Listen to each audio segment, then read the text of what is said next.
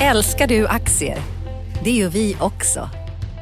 Sea Worldwide Asset Management är en av Nordens största oberoende aktiva aktieförvaltare och har samlad kunskap sedan 1986. Ta del av vår kunskap på seaworldwide.se. Bokstaven C, worldwide.se.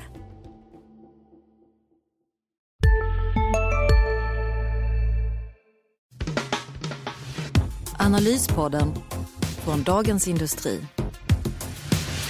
Hej och välkomna till Dagens Industris analyspodd. Podden där vi går igenom de viktigaste händelserna på finansmarknaden under veckan som varit och veckan som kommer.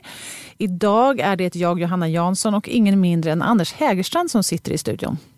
Hej Anders! Hej Johanna! Vad tycker du att vi ska prata om idag? En självklar sak att prata om är ju H&M. Sen tycker jag situationen när man sitter här med dig, handelskriget och... Absolut, och veckans Trump. Mm, veckans Trump är bra. Sen eh, är det också så, alltså, nu går vi in i lite semester här, men eh, ja, period, men jag tror att det är på investmentbanker banker kommer att jobba stenhårt i sommar, för det är så mycket pengar där ute och det är nu om någon gång man ska göra, eller som, som det finns läge för att göra stora affärer, stora bud på börsbolag och sånt. Så vi kan väl diskutera ja, lite kring det. Spännande, spännande. Alltså då, om man ska sammanfatta det här, det låter som att vi har ett tema tema handel. Det är detaljhandel med H&M och det är handelsfrågor eller handelskrig med Trump. Och sen lite handel mellan bolag då kanske. Exakt. Ja, toppen. Ja, men vi, och sen så tycker jag också att vi måste snacka lite om veckan som kommer. Då kanske det blir lite fotbollstips. Ja, det kan det, ja, det kan det kan det bli. på. Men vi börjar med H&M. Jag är supernyfiken. Eh, vad var det egentligen vi fick i veckan från H&M? Var det en vinstvarning? H&M är inget normalt börsbolag för de kommunicerar lite på sitt eget sätt och har inte liksom alltid varit liksom den stora stjärnan på börsen så de har fått göra som de vill. Nu är de inte den stora stjärnan på börsen längre och då blir det då, då liksom så eh, är det en ny situation kring deras kommunikation. Så känslan jag fick igår att de hade då alltså i sin första kvartalsrapport sagt att vi ska skriva tydligt, vi ska ha ett högre resultat 2018 jämfört med 2017. I rapporten som kom igår var det borta plötsligt. De tyckte nog, verkade som de inte tyckte att det var så stor sak, men skulle det vara ett annat bolag, skulle det vara som, som gör prognoser, SKF eller någon sån som har gjort det, då skulle det vara en klockren vinstvarning. Så ja, på, på normalt börsspråk vinstvarnar H&M igår, ingen diskussion. Och det speglar ju hela rapporten. Det börjar ju som jag, börjar bli, bli tjatigt nu med H&M för det är liksom, det är varje rapport så är det egentligen en rapport full av besvikelser. Igår var det eh, vinstvarningen då. Eh, det var mera, vad heter det, reor. Det var återigen stigande lager. Och det här med stigande lager, om man eh, kan, eh, vad heter det, Nyhetsbyrån direkt var snabba på att hitta en spännande graf. H&M's varulager är nästan lika stora som Riksbankens guldreserv nu mm. vid det här laget. Så det är, ja, det är stora lager helt enkelt. Ah, Svällande lager. Och, ja. och, och temat var ju samma igen. Carl-Johan Persson står och säger det ska bli bättre, det ska bli bättre. Eh, vi jobbar hårt, vi jobbar hårt. Eh, bara ord, finns ingen substans bakom det från oss som är på utsidan.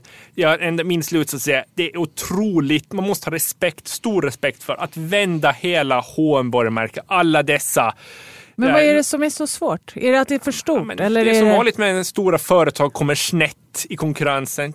Att vända en koloss med så många anställda, 4 000 butiker och få det på rätt. Det, det, det gör man inte en handvändning när man har tappat fotfäste. Det var en sak att vända H&M och, och reda upp problem runt år 2000. Vad hade de då? 500 butiker kanske? Då, de hade så många så nu drar jag till det, men det var väldigt lite förhållande till idag. Den där siffran ska ingen kolla upp. Eh, men, men, men då, då är det ju lätt hanterligt. Nu är liksom en global koncern i olika klimatzoner, eh, års, årstider och så vidare. Jag tror det är ytterst osäkert om de lyckas vända det här.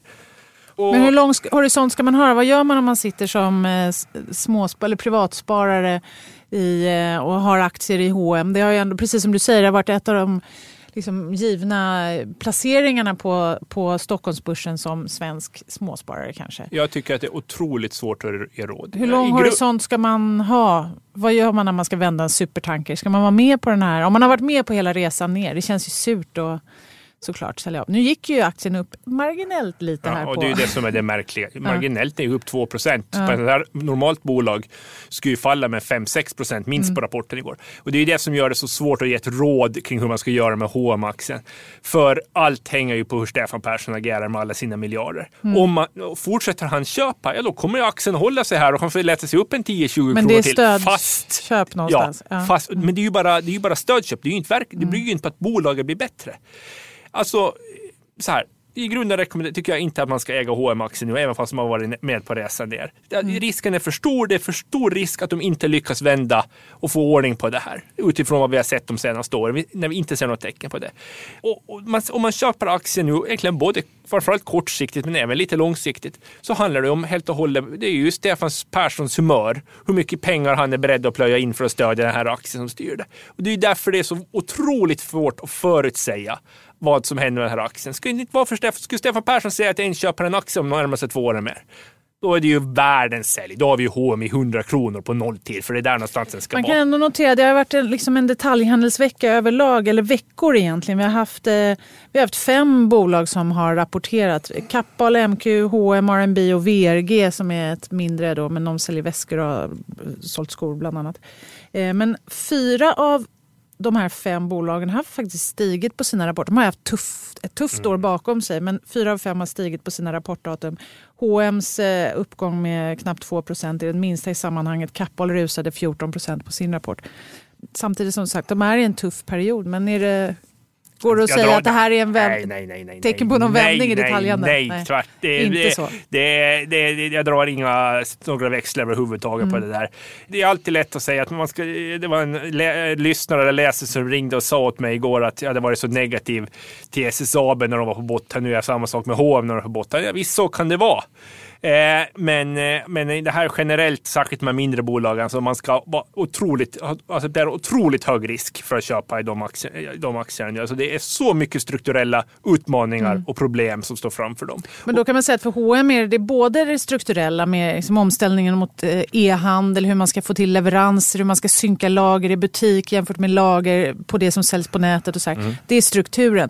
Men för, för H&M är det väl mer än så låter det som på dig. Det är inte bara det här strukturen, de har också problem problem med liksom att vända sin koloss och få... Menar, för uppenbarligen så klarar ju konkurrenten Inditex klarar ju det här. De är ju i samma struktur, men klarar sig bra. Precis, kan vi sammanfatta det så.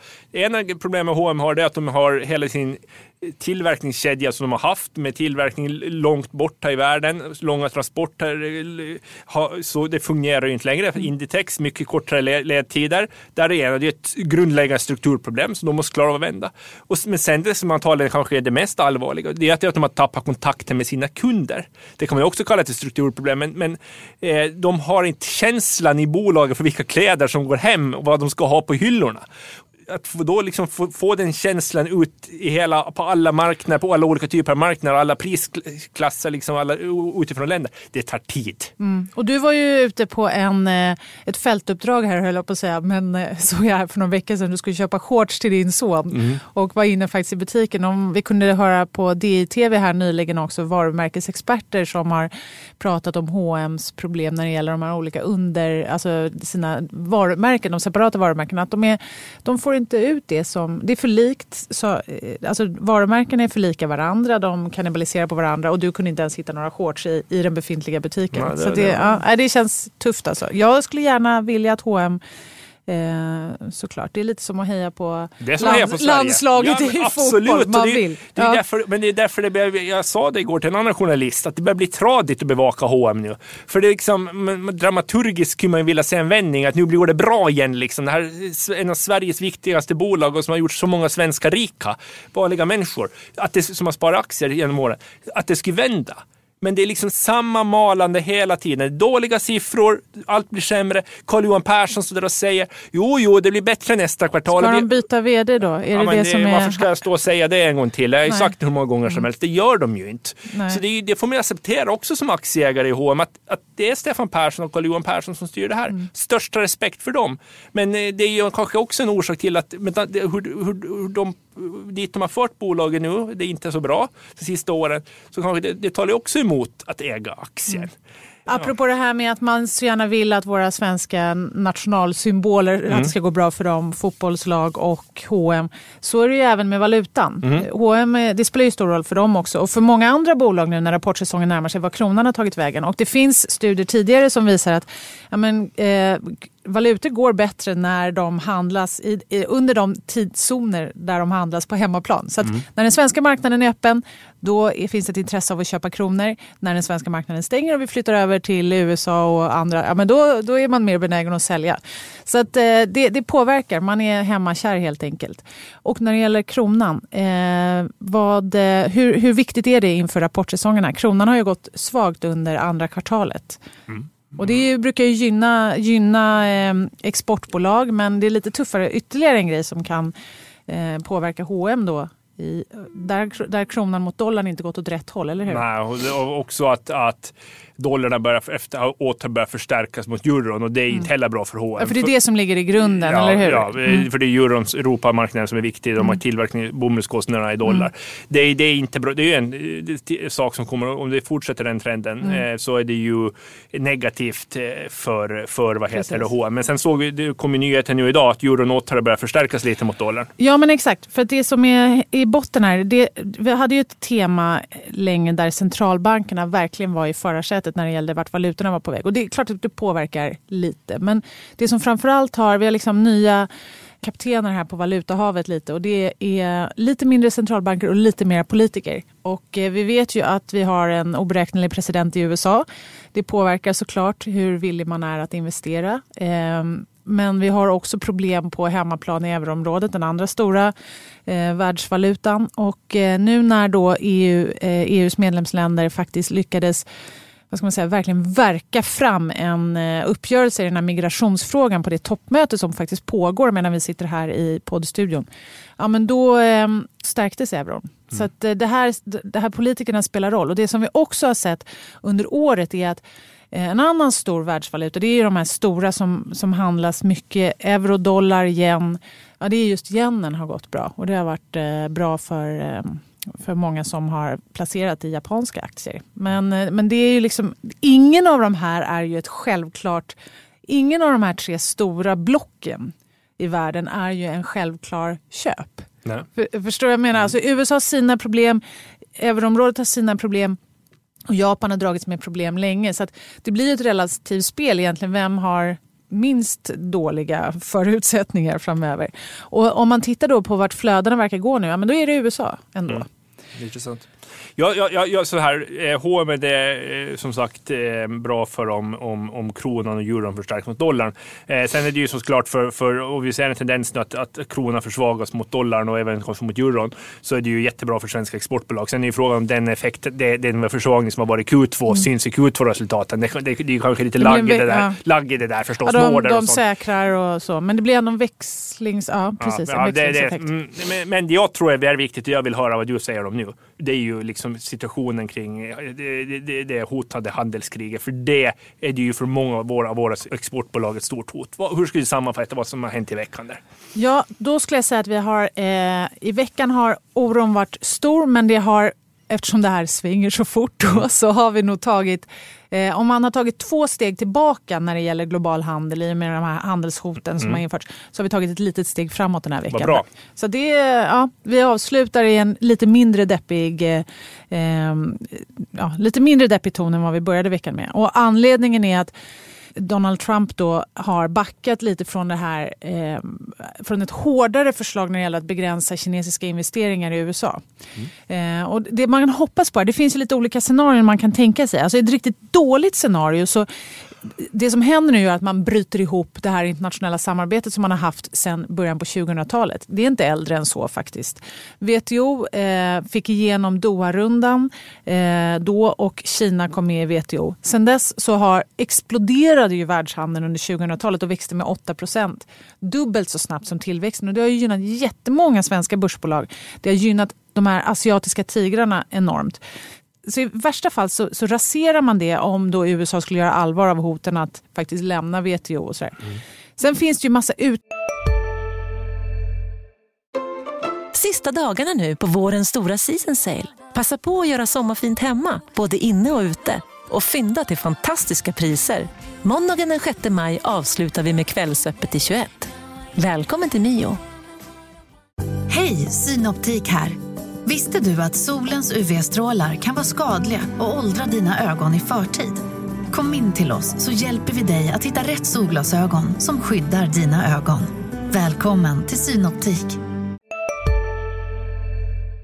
Utmaningen i det här såklart, stor, precis som du säger, stora kolosser är svårstyrda. Så är även den här internationella handelsorganisationen. Kina respekterar inte patent som de borde göra. Eh, och det finns en, eh, EU har höga tullar, har väldigt mycket frihandel inom blocket men ganska höga tullar utåt. Så det här är problem. Så Donald Trump har han har poänger i det han, det han säger. Det är bara det att hans sätt att, att agera på det är okonventionellt för att mm. verkligen vara, uttrycka det milt. Eh, så att, i ett dåligt scenario då som sagt att han lämnar WTO, så, ja, men då kommer det här sänka, det kommer sänka eh, världs-BNP, det kommer eh, sänka eh, tillväxten ännu mer i länder som Sverige, snabbväxande i Asien och exportberoende bolag som är stora både på börsen i USA, alltså på New York-börsen och eh, i, i Sverige såklart. Men i ett bra scenario så den här okonventionella taktiken som Donald Trump kör, om han liksom lyckas skrämma både EU och Kina till att faktiskt bete sig lite bättre, ja men då kan det här vara, kanske, alltså man får verkligen hålla tummarna. Kanske kan det här vara någonting bra då. Jag mm. vågar knappt säga det. Men, eh, men, det men som sagt, än så länge tycker jag att det är rimligt att oroa sig för det. Det är rimligt att börsen går mm. ner när det här stökar till. För det är mer handelshinder och den här, eh, vad ska man säga, den här otrevliga tonen som de har mot varandra är inte bra. Men, men är det inte så sist och slutligen att ur ett börsperspektiv, om man det väldigt basalt. Mm. Är det inte så att om Donald Trump, Donald Trump kan ju inte göra saker som sänker de globala börserna. Han kan ju inte driva saker. Han liksom, kan, men, men han, kanske kan, inte ja, vill. Han, nej, men ja. jag kan. Ja. Alltså kan, med ordet kan då menar jag att det är liksom, han är ju lite för... Han, han, för, för, han, han, ja, han, han är han, lite för eh, narcissistisk för att vilja... narcissiskt lagd för att vilja göra det. Ja. Alltså, än så länge så har han inte gjort så mycket. Man kan säga att de har infört tullar på stål och aluminium. Det är värt ungefär 6 miljarder euro. Eh, EU har svarat med strafftullar på nästan 3 miljarder euro. Eh, det är 9 miljarder totalt. Och sen så, men då ska man ändå jämföra det med den totala handeln mellan USA och eh, EU som ligger på över 600. Så det är liksom väldigt lite som påverkas än så länge. Sen har man, men det som gör att man blir orolig är att Sen har de liksom lagt in hot om vad som komma skall. 6 juli ska USA höja tullar på kinesiska varor då, värda motsvarande 50 57, eh, nästan 60 miljarder euro då, om vi säger i euro. Eh, och Kina har svarat med samma mynt och sen så har man då flaggat fram med biltullarna. Det är ju en jättestor grej om, mm. om USA verkligen skulle införa då 20% tull på, på bilar. Ja, så det är väl mer det här att de svarar med att, vad man brukar kalla på ekonomspråk, tit for tat. Alltså så fort USA säger någonting så svarar EU med någonting och sen så trappar man upp det här.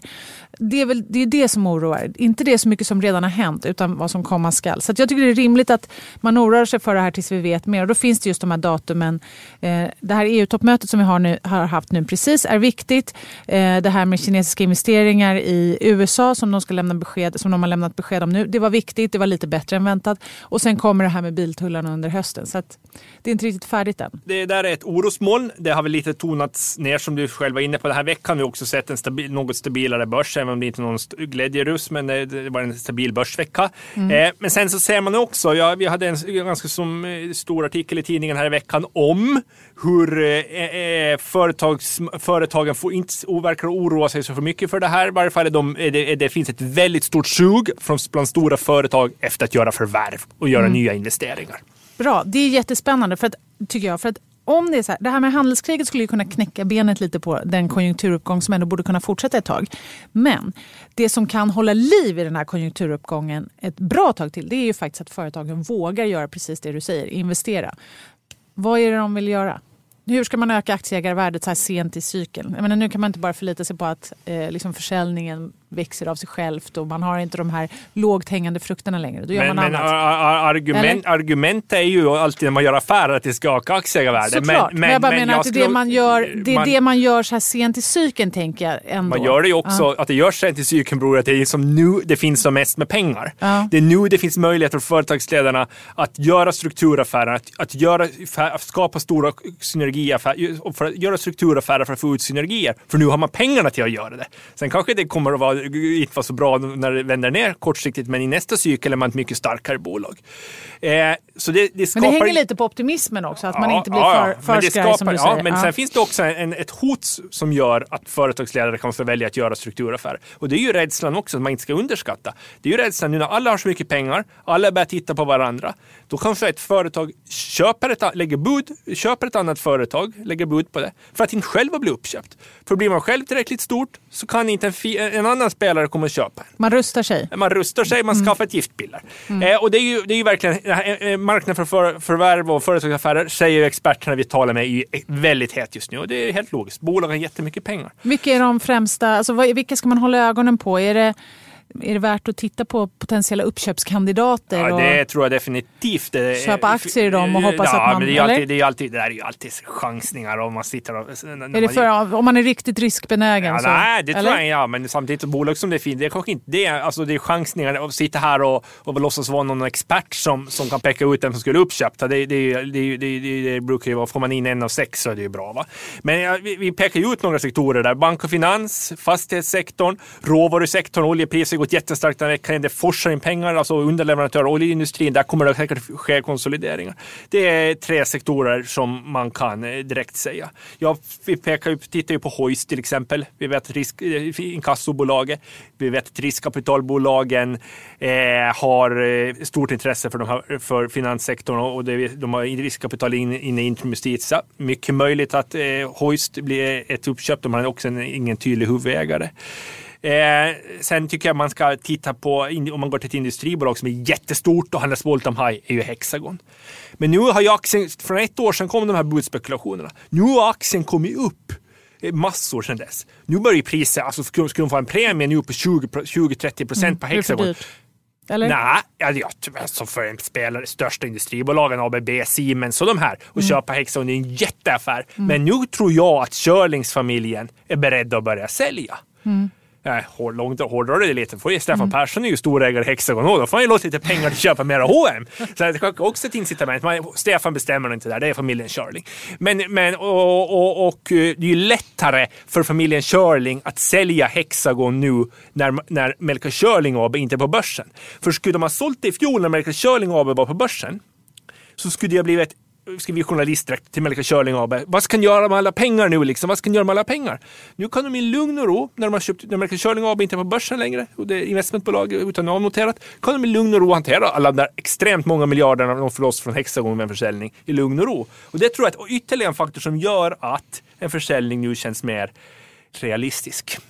Spännande. Men är det, om du skulle sammanfatta det här med ökad ma aktivitet helt enkelt, eller ökad Mm. Det kommer att komma förvärvs- mera bud, det Det kommer komma mera Ja, bud det är och det kommer komma mer, det är ingen diskussion. Men det, är det en, eh, är det, jag som är intresserad av vart konjunkturen är på väg och sådär, ska man se det som en eh, aggressiv eh, trend, alltså en positiv trend, det går bra, vi är optimistiska inför framtiden, vi gör det här nu. det här Eller ska man se det som en defensiv trend, att vi jag tror att det här är sista, det kan, när de här om, det, om vi, om vi liksom får lite mer det här att det blir bud om, lite mera bud här under hösten. Så det, liksom, det kan trycka upp många aktiekurser för det blir, det liksom blir när, när det kommer bud på ett bolag i en sektor så driver det upp de andra. Det finns mycket, det finns sista rycka i kurserna. Men jag skulle säga sammanfattat, när man går in i det här en tuff, mycket M&A period mera bud, det är liksom det är, det är sista rycka i konjunkturcykeln som vi ser. Sista rycket i börscyk- börs och Börscykeln, konjunkturcykeln. börs, ja, för, ja. Men om vi bara blickar framåt till nästa vecka. Är det någonting du kommer hålla ögonen på då? Eh, Jag kommer eh, självklart att hålla, det börjar ju idag redan, det är ju en stor händelse. Autoliv delas i två bolag. Idag handlas Autoliv utan rätt till aktier i Veoneer. Eh, det här teknikbolaget för självkörande bilar då som blir ett fristående bolag. Och på måndag noteras Veoneer på New York-börsen och Stockholmsbörsen. Och det här är ju ett bolag som ska kunna utsatt för bud, men nu har de ju gjort en överenskommelse med huvudägarna Christer Gardell, AMF och Alecta var det väl, som har kommit överens att de inte ska sälja sina aktier under de närmaste nio månaderna. Så det ligger inte i korten. Men Veoneer är ju ett väldigt intressant bolag. Jan Karlsson, framgångsrik Autoliv-vd, tar ju över som vd på Veoneer. Och det blir verkligen intressant att följa. Premiär på måndag. Mycket spännande att se hur aktien utvecklas och hur ägarlistan utvecklas där. Eh, sen tycker jag generellt nästa vecka också, eh, och den här veckan, att håll koll på råvaror, oljepris. Oljepriset har gått starkt den här veckan igen. Rätt har jag fel, jag chansar att säga att det gått från 75 till 78 dollar, 79 dollar. Och Lupe handlas nära all time high. Alltså Lund, jag bara säger det, jag håsade den aktien den var 150-130 kronor.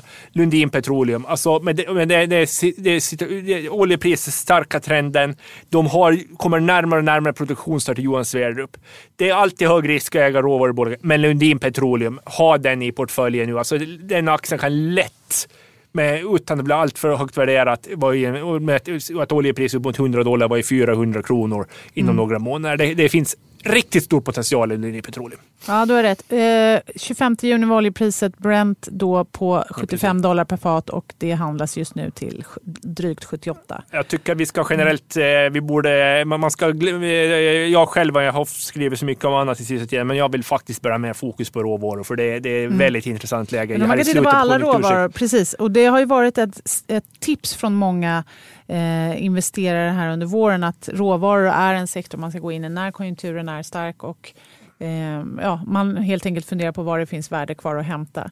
Eh, jag har varit mer skeptisk till, eller så här, att oljepriset skulle sti fortsätta stiga upp över 80. För det gick, var ju en ordentlig resa från eh, 60 dollar per fat i början på året till drygt 80 här tidigare. Och då eh, skrev jag att det finns skäl att tro att här är toppen. Och det handlar ju mycket om att liksom, skifferproducenterna i USA, de finns där. Det blir liksom, lägger ett tak på vart oljepriset kan ta vägen.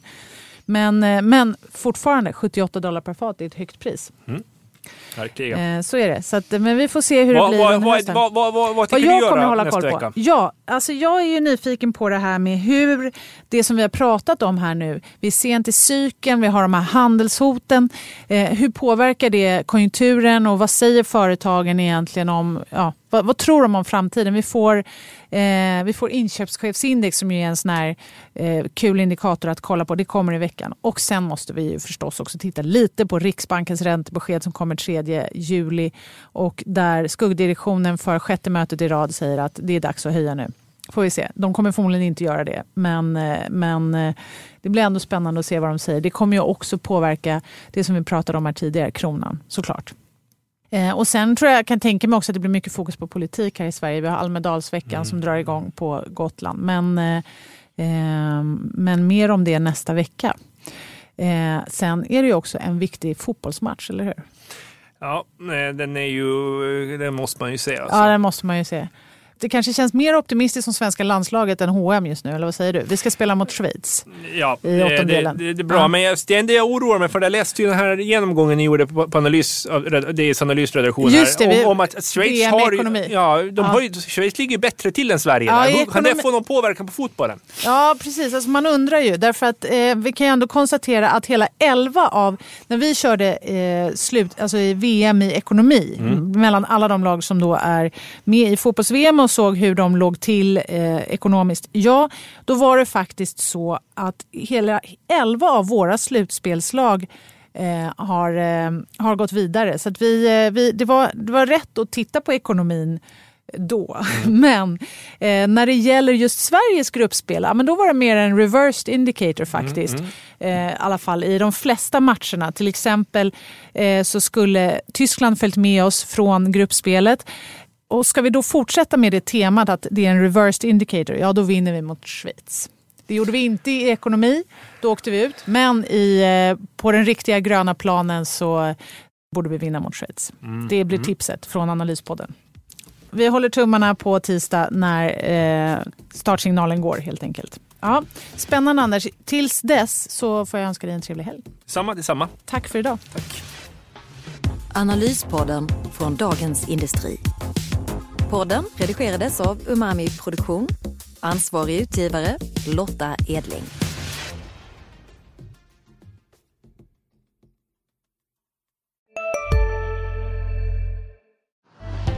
Älskar du aktier? Det gör vi också. Sea Worldwide Asset Management är en av Nordens största oberoende aktiva aktieförvaltare och har samlad kunskap sedan 1986. Ta del av vår kunskap på seaworldwide.se.